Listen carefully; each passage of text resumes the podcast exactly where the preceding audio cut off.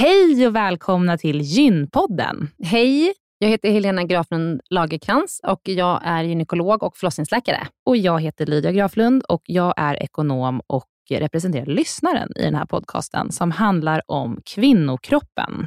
Det är vetenskaplig fakta om kvinnokroppen och det du hör i den här podden är det som man kan höra om man får träffa en läkare eller en barnmorska i ett eh, möte. Men ibland så bjuder vi in gäster som berättar om sina personliga erfarenheter och ibland är det också spekulation, men då är det verkligen tydligt att det är spekulation. Annars är grunden för den här podden vetenskaplig fakta om kvinnokroppen. Så är det. Hoppas att ni vill lyssna. Välkomna. Välkomna.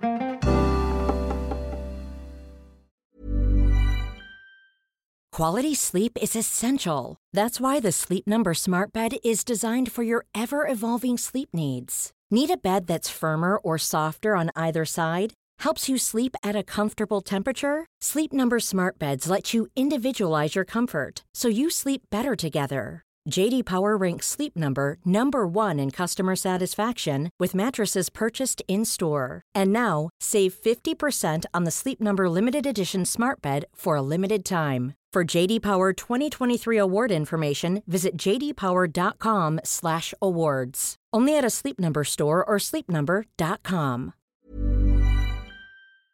Den här veckans avsnitt av Gynpodden är sponsrad av Ester Care. Och Helena, det är ju det bolaget, vårdbolaget, som du och jag har varit med och startat, där vi erbjuder digitala vårdmöten med specialister inom kvinnovård. Precis.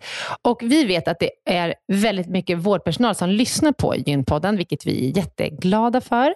Och vi behöver alltid fler gynekologer till STKR. Så därför vill vi nu göra en shout-out till alla er som lyssnar ute som vill vara med och förändra svensk kvinnovård. Vi söker specialister inom gynekologi, men också ST-läkare som har kommit en bit in i sin ST och som vill arbeta digitalt eh, med handledning på, hos oss på SDKR. Mm. Och precis som det är för våra patienter som kan söka vård hos oss, det vill säga att de kan bo vart som helst i landet eftersom vi är digitala. Om man laddar ner appen och så bokar man ett vårdmöte, så kan ju även läkaren bo vart som helst i landet eller flytta under tiden man jobbar hos oss. Det är ju väldigt, väldigt flexibelt eftersom eh, man jobbar hemifrån. Och Jag tänker att det måste ju också vara helt underbart att som läkare kunna arbeta hemifrån och planera sin egen tid några dagar i veckan. Ja, verkligen. Och samtidigt vara med och förändra kvinnovården med kollegor som är otroligt drivna och engagerade. Det är jätteroligt att jobba på SDKR. Och jag tycker att det här är en häftig grej som vi gör just nu, att vi erbjuder gyn, äh, gynvård i hela landet. Och vilka är de vanligaste patientmötena du tar, Helena? Ja, men det är ju klimakteriet, eh, PMS, eh, mensbesvär. Och det är ju såklart ärenden och eh, diagnoser som går att hantera digitalt. Men vi remitterar också vidare när det behövs mm. Eh, och tar labbprover när det behövs mm. och så vidare. Mm. Så gå in på sdcare.com, klicka på jobba hos oss i menyn för att läsa mer och skicka in en ansökan. Tack så mycket. Tack och välkomna. Jag tror att många känner som jag just nu en stor sorg för vad som händer i Ukraina Eh, Eh, att man känner att man vill på något sätt kunna hjälpa till, men kanske inte vet exakt hur. Ett tips från oss på Gynpodden är att bidra till flyktingarna som lämnar Ukraina just nu, vilket man kan göra via UNHCR, som är FNs flyktingorgan. Eh, krisen drabbar både barn och familjer och liv och säkerhet är i fara och UNHCR är på plats. Så man kan bidra med eh, olika typer av summor som, som kommer att hjälpa människorna som är på flykt just nu. Ett exempel är 370 kronor räcker till ett akut nödpaket som räddar eh, livet på människor som eh, är i en akut situation idag.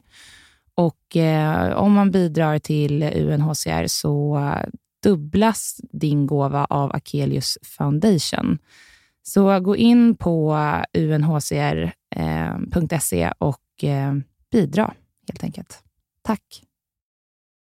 Välkomna till Gynpodden! Hallå, hallå! Jag tycker om din röst när du kör Välkomna till Gynpodden! Alltså, jag får en helt annan röst när jag börjar ja, podda. Ja. Min poddröst. Min man han säger alltid att jag har en viss doktorsröst också. Alltså, det har du. En lugn. Ja, den är lugn och ja. lite så förtroendegivande. Ja. Och får icke ifrågasätta, säger Fredrik. Nej, men så är det. Det är faktarösten. Okej, okay, men det här är min poddröst i varje fall. Mm. Eh, ja, jag heter Helena Och jag heter Lydia. eh, och vi har eh, för tredje gången en eh, eh, fantastisk gäst, Helena Kopp Kallner. Alltså, tänk att jag får komma tre gånger. Jag är jättesmickrad. Ja, men, alltså, du vi är så att- glada att du är här. Alltså, vi är så glada att du är här. Det, du, är ju, ja, men du är ju ett unikum av liksom, kunskap. Att du är här och delar med dig av den är... Ja, vi känner oss väldigt privilegierade. mm, det är vi. Jag med. Ja, men jag tänker ändå en kort intro av Mm. dig. Och du är ju då min kollega och du är docent och eh, överläkare på kvinnokliniken på Danderyds sjukhus. Ska vi bara lite kort, vad, vad är man om man... Alltså, hur blir man docent? Ja, ehm, man brukar säga att då har man skrivit tre avhandlingar. Okay. Nej, men eh, att man är docent innebär att man, eh, ja det ansöker man om att bli. Det är lite olika på olika universitet, men eh, man ska ha publicerat ett visst antal vetenskapliga arbeten. Man ska undervisa framför allt. Egentligen är docent en lärartitel, så man ska bedriva undervisning. Eh, och det gör jag för barnmorskestudenter och läkarkandidater och folkhälsovetare och sånt. Mm. Och sedan ska man ha en självständig forskningslinje. Och det har du. Mm. Du forskar om vad? Ja, jag forskar om aborter och preventivmedel och så forskar jag också om myom. Just det. Och så är det lite obstetrisk forskning också. Så. Mm. Alltså, Alltså- forskning på graviditet och barnafödande. Mm. Mm. Ja, Helena, du kan eh, mycket om allt. Men idag ska vi prata om missfall. Yes, Det är också ett av dina ämnen, kan Ja, man säga. som jag också forskat på. Som du också forskat på, såklart. Ja.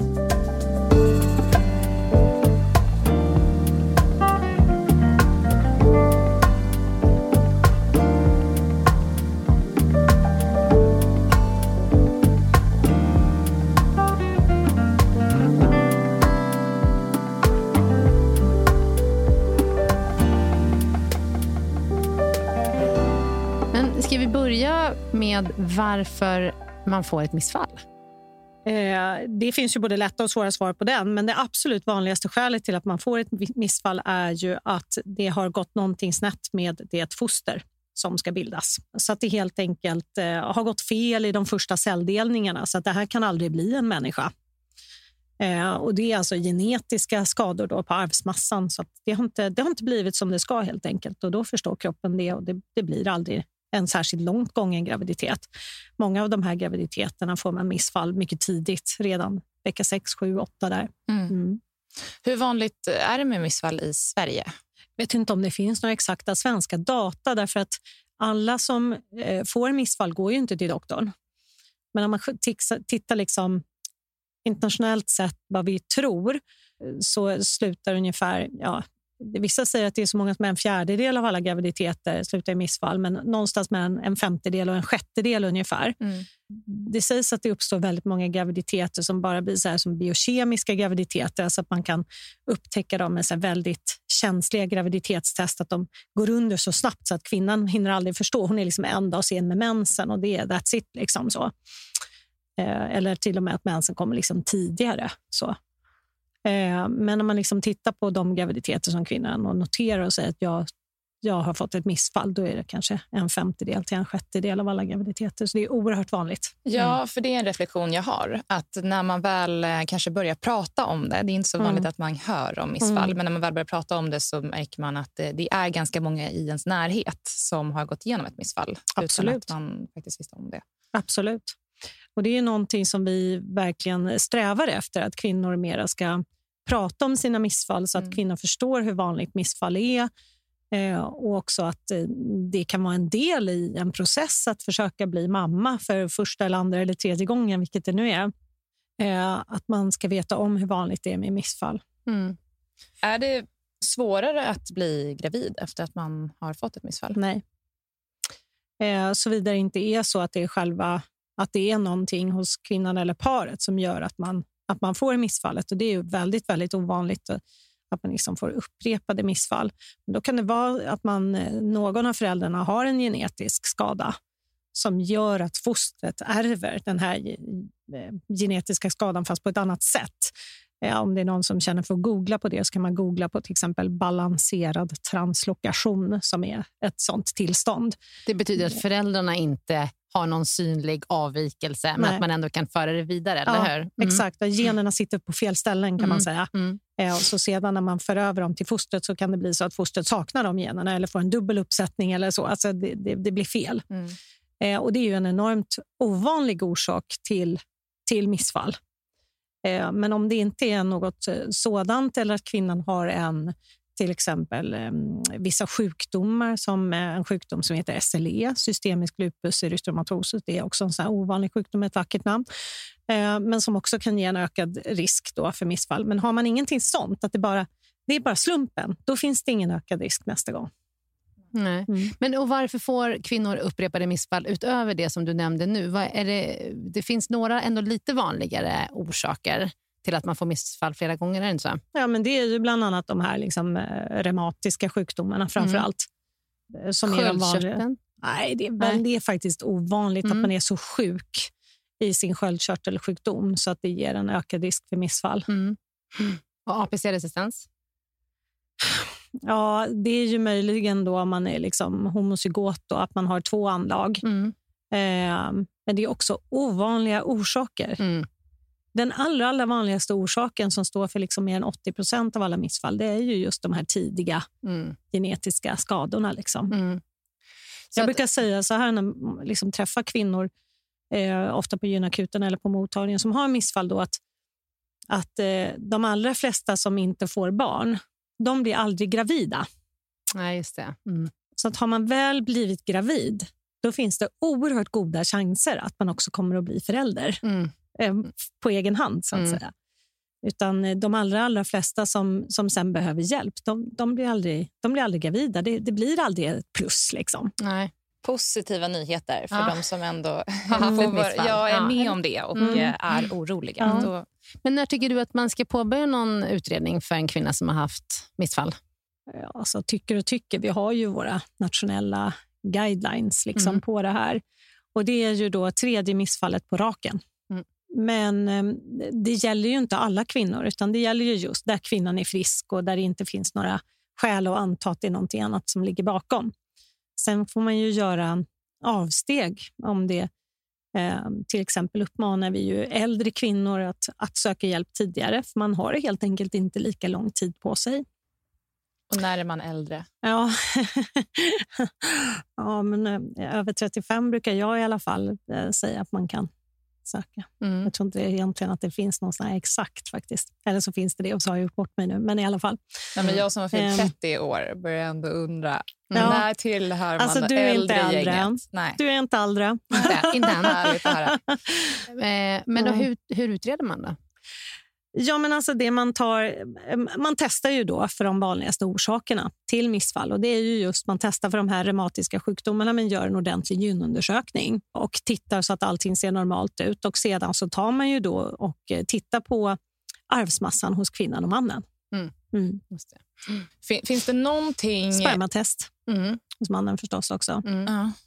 Finns det någonting eh, som du kan göra i livet? Alltså hur sättet du lever på eller sättet du utövar en sport eller så här, som kan trigga ett missfall som du bör eh, tänka på när du är gravid? Eh, alltså, jag brukar säga så här att det, det pratas ju liksom mycket om stress och liksom kost och såna där grejer, men det har försvinnande liten betydelse. Jag brukar säga så här att liksom, det är inte ett problem att, att eh, kvinnor i flyktinglägren inte blir gravida, utan det är ett problem att kvinnor blir gravida i flyktinglägren. Mm. Eh, trots att de lever under extremt påvra förhållanden, trots att de svälter, trots att de liksom har en extremt stressig eh, situation, så blir man ändå gravid. Mm. Eh, Så att det här med liksom att tro att man inte blir gravid för att man har mycket på jobbet, det ger inte så mycket för det. Utan har man regelbundna menstruationer, eh, har man ägglossningar, då, då finns det kanske någon annan orsak till att man inte blir gravid. Det är nog inte stressen. Nej, just det. Ja, och det lägger också ett väldigt, när man liksom håller på med såna där kommentarer ja, och liksom, som man ofta ser liksom på i olika eh, sociala medier, så kommentarstrådar och gör det här och gör det här och gör det här. Jag Man lägger sånt sjuk stor press på kvinnan att hon ska tro att det är hennes fel att det inte händer. Mm. Ja, det var för att jag tog det där glaset rödvin och det var för att jag sa ja till det där mötet. Och, och liksom, jag skulle bara ligga på soffan istället. Och liksom, och jag är så stressad och liksom, man är ännu mer stressad för att liksom, det är inte oftast det som är bekymret. Det handlar inte om hur mycket quinoa du äter, liksom, kosten och liksom alltihopa, utan, utan det är andra faktorer som gör att du inte blir gravid. Mm. Eller får missfall. Eller får missfall. Mm. Mm. Motion, har du, har du någon kommentar om det? Kan man motionera för mycket? Nej, alltså, det är samma sak där. Liksom att det är, eh, om det var så himla eh, lätt att få missfall, då skulle vi kunna stänga våra abortmottagningar. Mm. Eh, en graviditet som vill stanna kvar, den gör det oavsett. Om man har druckit ett par glas vin innan man har tagit gravtestet. Exakt. För det är en vanlig fråga också. Mm. Ja, den, den, ja, precis. Alltså, även liksom missbrukare blir ju gravida. Mm. Eh, det är tyvärr ett stort problem att de också blir gravida. Mm.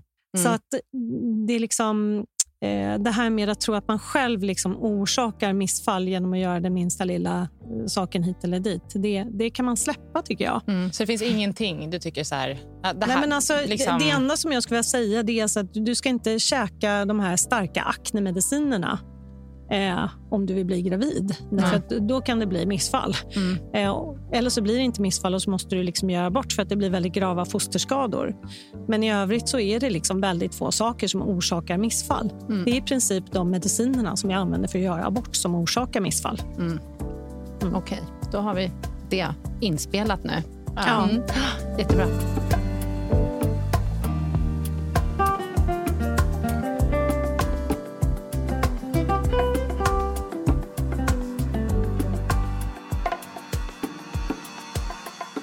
Du har fått... Du, du har en, eh, ett plus på stickan, det går någon eller ett par veckor och sen får du en blödning.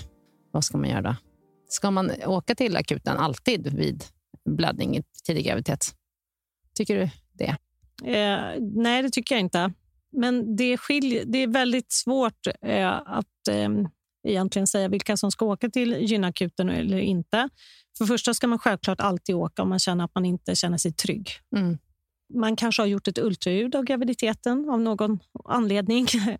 Eh, det sker oftare och oftare tycker jag ändå att kvinnor har gjort ett tidigt ultraljud. Och vet man med sig att graviditeten ligger på rätt ställe, det vill säga att den ligger inne i livmodern, då klarar man ju oftast av missfallet själv. Mm. Alltså händer det så händer det. Mm. Eh, vi kan ju i vården inte göra någonting alls för att stoppa ett missfall. Vi kan knappt förhindra att människor föder barn för tidigt. Liksom. Mm. Eh, så ett tidigt missfall liksom där före vecka 12 så finns det ingenting vi kan göra. Eh, mer än att om vi kan konstatera att det är ett missfall så kan vi ge mediciner för att påskynda det. Mm. Att det inträffar liksom planerat, att kvinnan vet att då kommer jag att blöda, då kommer det att komma ut. Liksom. Mm. Så. Eh, så att det vi enda vi kan göra när man kommer in till gynakuten är att konstatera att det är ett missfall och sedan erbjuda behandling. Mm.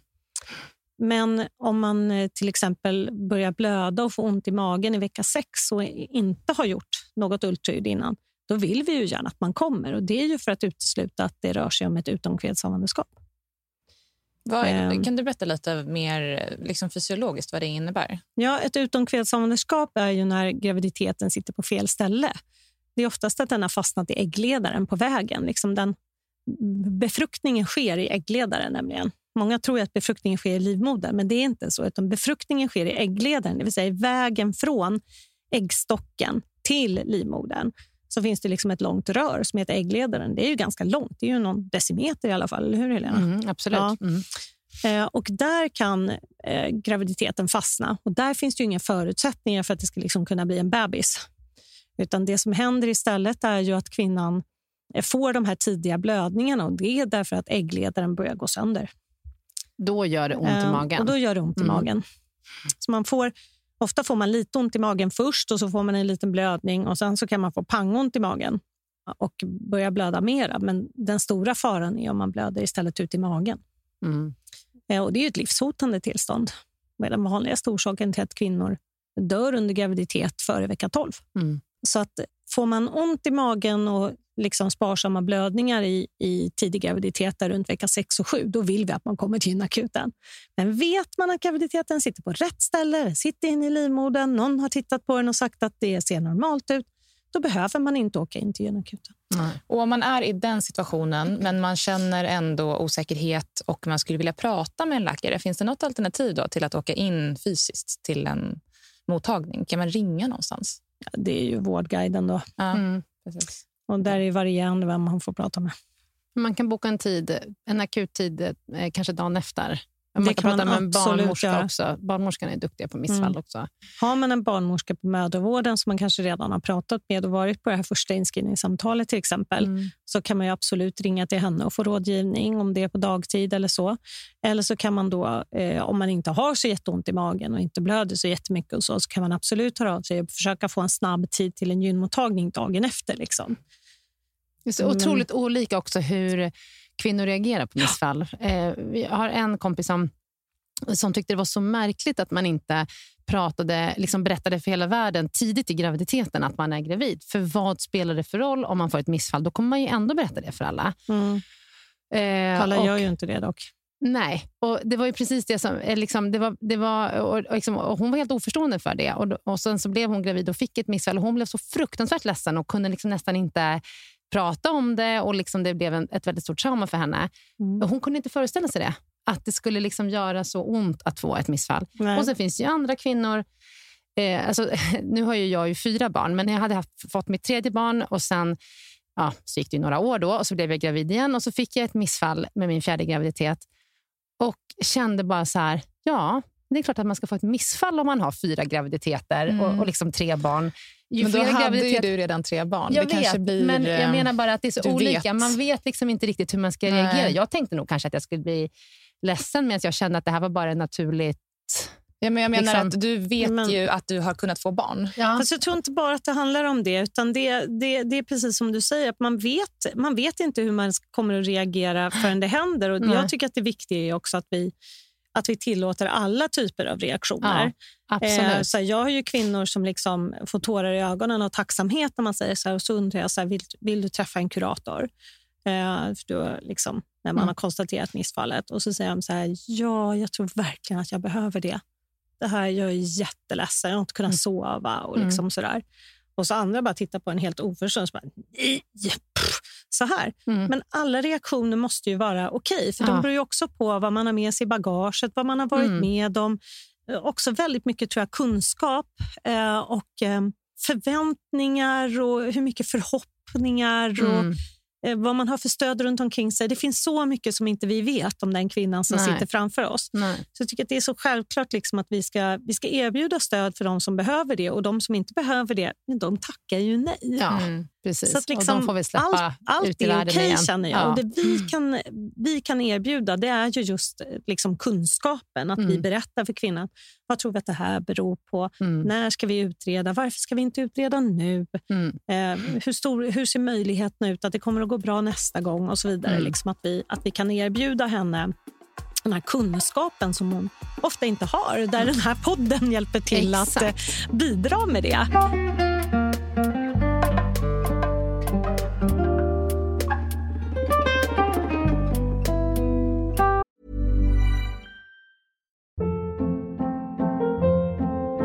Hold up. What was that? Boring. No flavor. That was as bad as those leftovers you ate all week. Kiki Palmer here, and it's time to say hello to something fresh and guilt-free. Hello Fresh. Jazz up dinner with pecan-crusted chicken or garlic butter shrimp scampi. Now that's music to my mouth. Hello Fresh. Let's get this dinner party started. Discover all the delicious possibilities at hellofresh.com. A lot can happen in three years, like a chatbot may be your new best friend. But what won't change? Needing health insurance. United Healthcare Tri Term Medical Plans, underwritten by Golden Rule Insurance Company, offer flexible, budget friendly coverage that lasts nearly three years in some states. Learn more at uh1.com. Den här veckan så är Gynpoddens avsnitt sponsrat av hemsidan mittpreventivmedel.se som är en eh, informationshemsida gjord av Bayer. Mm. Och vi har pratat om den tidigare i avsnitt eh, om att eh, det finns olika tester du kan ta, eller det finns ett test du kan ta. Du kan också gå in och jämföra olika preventivmedelsmetoder för att se vilka som är bäst för dig och du Mm. kan titta på en film där Mm. du kan förbereda dig inför att du ska träffa barnmorska eller gynekolog och skaffa ett pre- preventivmedel. Men det vi skulle vilja berätta om idag, det är att det finns också då eh, på mittpreventivmedel.se så finns det en bra lathund om man råkar glömma ta sitt p-piller, eftersom det beror ju lite på liksom när i kartan som du glömmer att ta ditt piller. Mm. Och Då kan du gå in under rubriken Känner du igen dig? Så finns det en rubrik som heter Undvika oplanerad graviditet. Mm. Och Där är listat sådana här saker då som kan hända. Att mensen är sen, du har glömt att ta p-pillret, behov av akut p-piller och kondomen gick sönder. Mm. Ja, du vet Lydia, olika saker som kan hända Mm. som ändå gör att man blir sjukt orolig och behöver få information om vad som kan hända. Så börja med att gå in och läsa på den här sidan för att se liksom lite var passar du in någonstans. Mm. Det här är faktiskt en väldigt viktig del av den här hemsidan. Ja, och det är en superenkel guide där man Mm. fyller i hur många piller man har glömt, vilken sorts karta det var. Är det en karta med fyra eller sju sockerpiller? Inga alls. Ehm, ja. Så att det, är, det är väldigt anpassat till din situation och sen Mm. så får du råd. Mm. Och Ibland kan det vara att man bara, bara behöver ta igen det här pillret som man har missat och ibland behöver man kanske komplettera och ha kondom i en vecka liksom, eller så under en viss tid. Så att, eh, ja, men den är informativ och bra. Så gå in och kolla på mittpreventivmedel.se och sen klicka vidare till den här lathunden då, som man hittar under rubriken Känner du igen dig? Mm. Jättebra sida. Tack Eh, Bayer. Tack Bayer.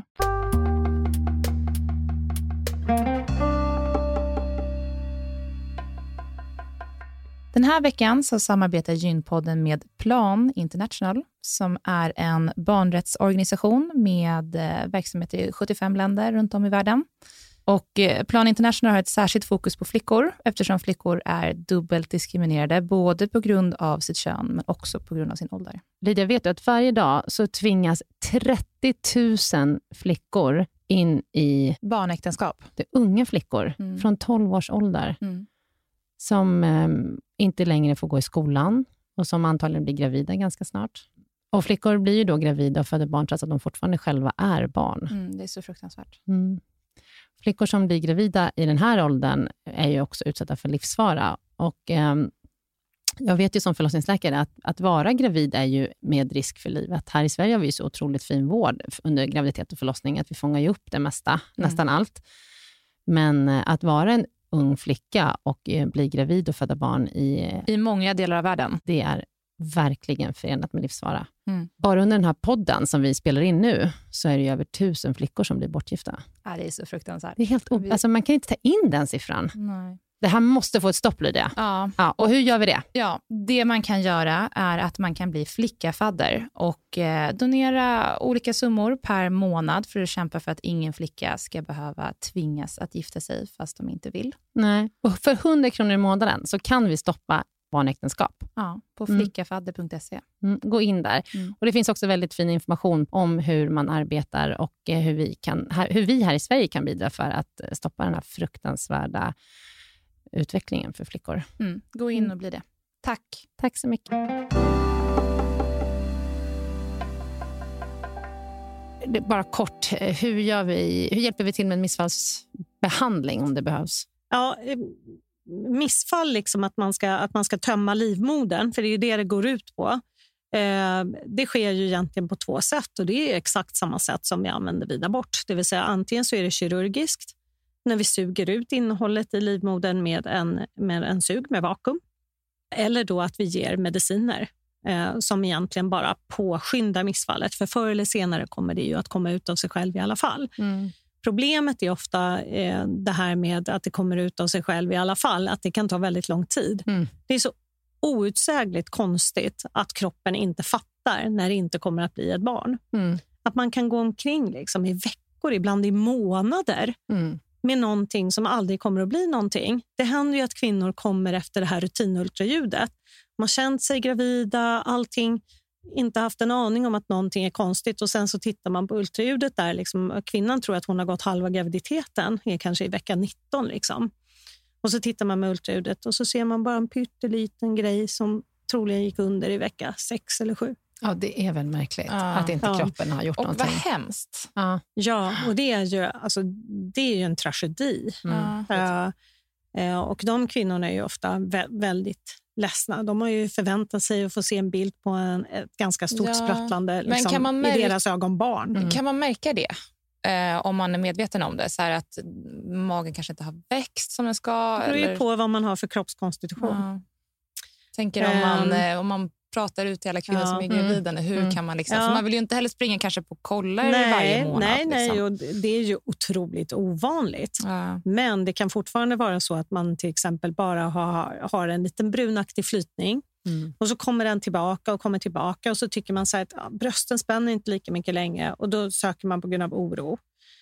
Eh, och så gör man ett ultraljud och så, och så ser man att kvinnan kanske säger att jag ska vara i vecka nio men man ser att kvinnan är bara i vecka sju. Mm. Och då har det gått två veckor. Och då erbjuder vi alltid en behandling för att Mm. skynda på missfallet. Och Det är just därför att annars kan det alltså ta till vecka 17-18 innan det kommer ut.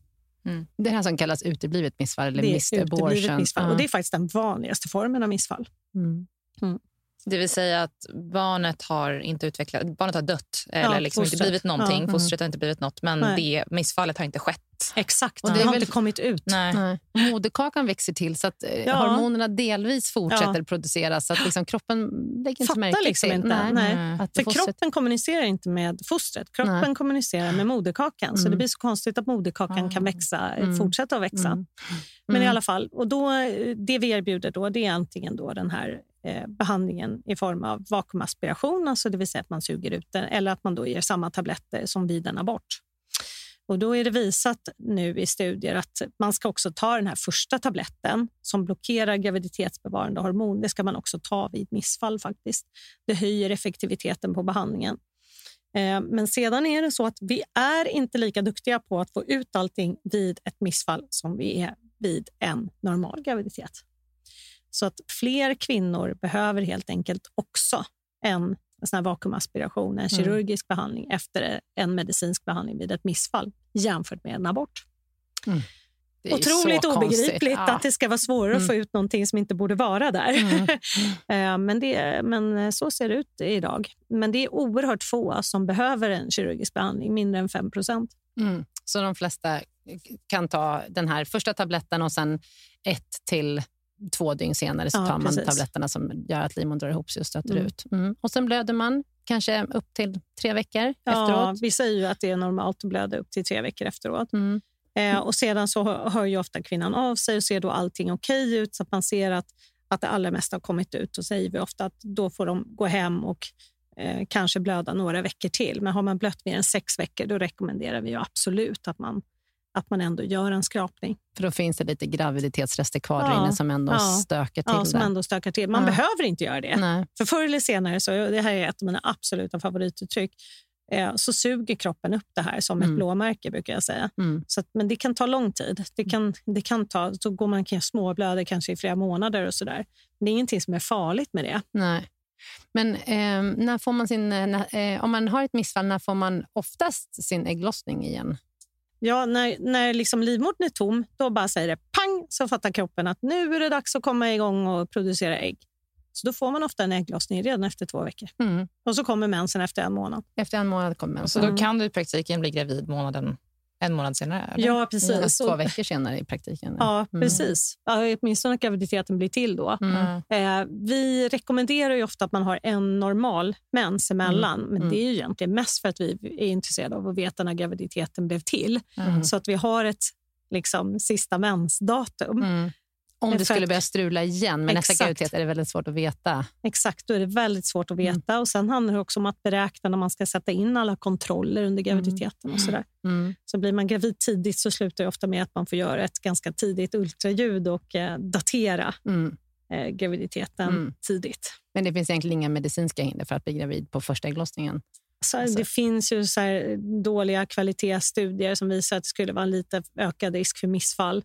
Mm. Rent teoretiskt. Liksom så där. Jag vet inte hur betydelsefullt det är i praktiken.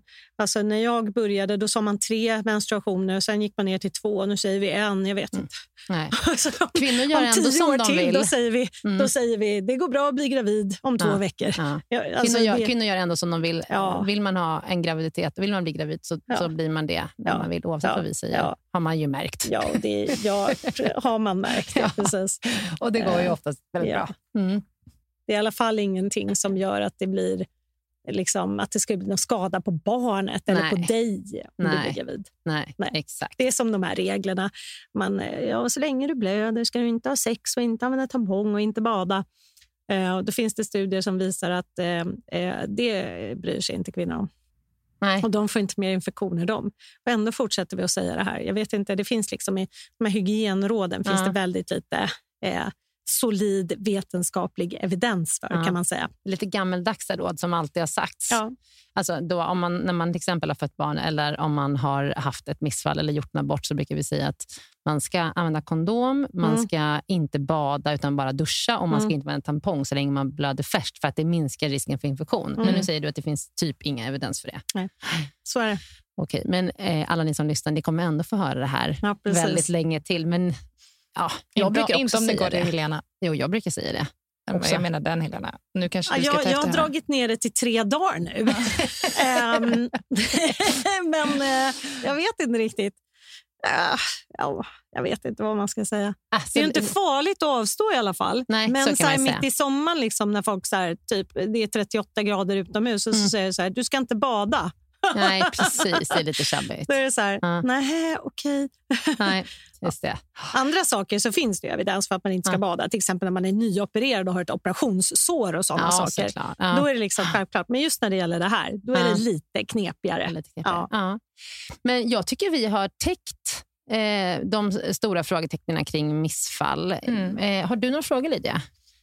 Jag tycker att vi har gått igenom det mesta. De situationer som jag kan liksom se framför mig som man får mycket frågetecken kring, Mm. det är väl om man har upptäckt att eh, man är gravid. Det har kanske gått några veckor och man har kanske druckit alkohol eller att man har gjort någonting som man känner rökt eller så, som man inte ska göra när man är gravid. Att man får en oro för det. Mm. Eh, men det känns som att eh, vi har gått igenom att det kroppen inte tycker blir bra det, det, liksom, det gör en av, sig av med då. Och eh, om man inte får ett missfall då så kanske inte det påverkade fostret så negativt. Alltså, det här är ju så oerhört svårt. För att samtidigt så... eh, Jag brukar säga så här, att det, det finns vissa fördelar med planerade graviditeter. Och Det är ju just att kvinnor då ser till att de inte röker, de ser till att de inte dricker alkohol Mm. innan. Och Då har man inte den, de här orosmomenten. Och Vi vill ju inte att kvinnor ska dricka alkohol under graviditet. Nej. Eh, Det vill vi verkligen inte. Men samtidigt så krävs det ganska avsevärda mängder alkohol i tidig graviditet för att fostren ska få eh, sådana skador så att man verkligen märker det på barnet när det föds. Hur mycket är det? Eh, ja, och det vet man inte. Och Det rör sig säkert om också individuella skillnader både hos kvinnan och hos fostret, skulle jag tro. Mm. Eh, därför att man kan inte säga en tydlig cut-off. Och Det är därför som man säger att drick inte när nej, du är gravid. Eh, därför att vi vet inte var nivån ligger. Sen finns det såklart att vissa nivåer kan man säga så här, att det här är definitivt ofarligt. Eh, eh, typ som om du dricker en klunk champagne på din kusins bröllop. Mm. Det är definitivt ofarligt. Mm. Men att säga så här att ja, var går gränsen då? Är det tre glas vin? Är det fyra glas vin i veckan? Är det ett glas vin om dagen? Då börjar vi närma oss väldigt farliga eh, Mm. rekommendationer. Mm. Och därför avstår vi hellre från att komma med sådana rekommendationer alls. Utan vi säger så här att en graviditet är en kort tid i en kvinnas liv eh, och man bör kunna avstå alkohol under den tiden. Men vi brukar också säga, det är, ju, det är ju inte en ovanlig fråga som man får som gynekolog. Att men, jag är tidigt gravid, jag drack alkohol innan jag blev gravid. Ja, det var en fylla. Mm. Och då har vi aldrig haft några rekommendationer om man ska göra en abort Aldrig. på det. Utan Aldrig. blir det någonting fel så blir det ju oftast missfall och annars kommer det gå bra. Exakt. Ja. Så det kan ni släppa. Ja, utan Ja. det är ju den här upprepade konsumtionen, Mm. under lång, hög konsumtionen under lång tid. Mm, Det blir inte exakt. bra för fostret. Det vet vi. Okej, Ja. men tack så hemskt mycket Helena. Ja, Ja. tack. Vi ses säkert Eh. snart igen, skulle jag tro. Så. tusen tack bästa du. Tack Hej snälla för att jag fick komma. Hej då.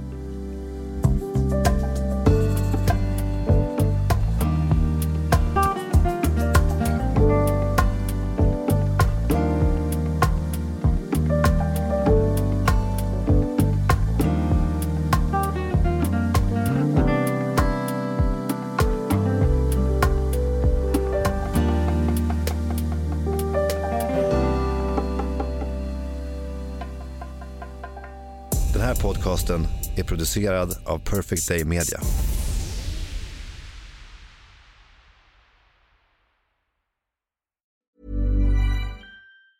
Ever catch yourself eating the same flavorless dinner three days in a row? Dreaming of something better? Well, Hello Fresh is your guilt-free dream come true, baby. It's me, Gigi Palmer. Let's wake up those taste buds with hot, juicy pecan-crusted chicken or garlic butter shrimp scampi. Mm.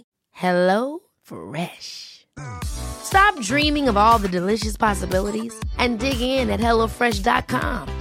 Let's get this dinner party started.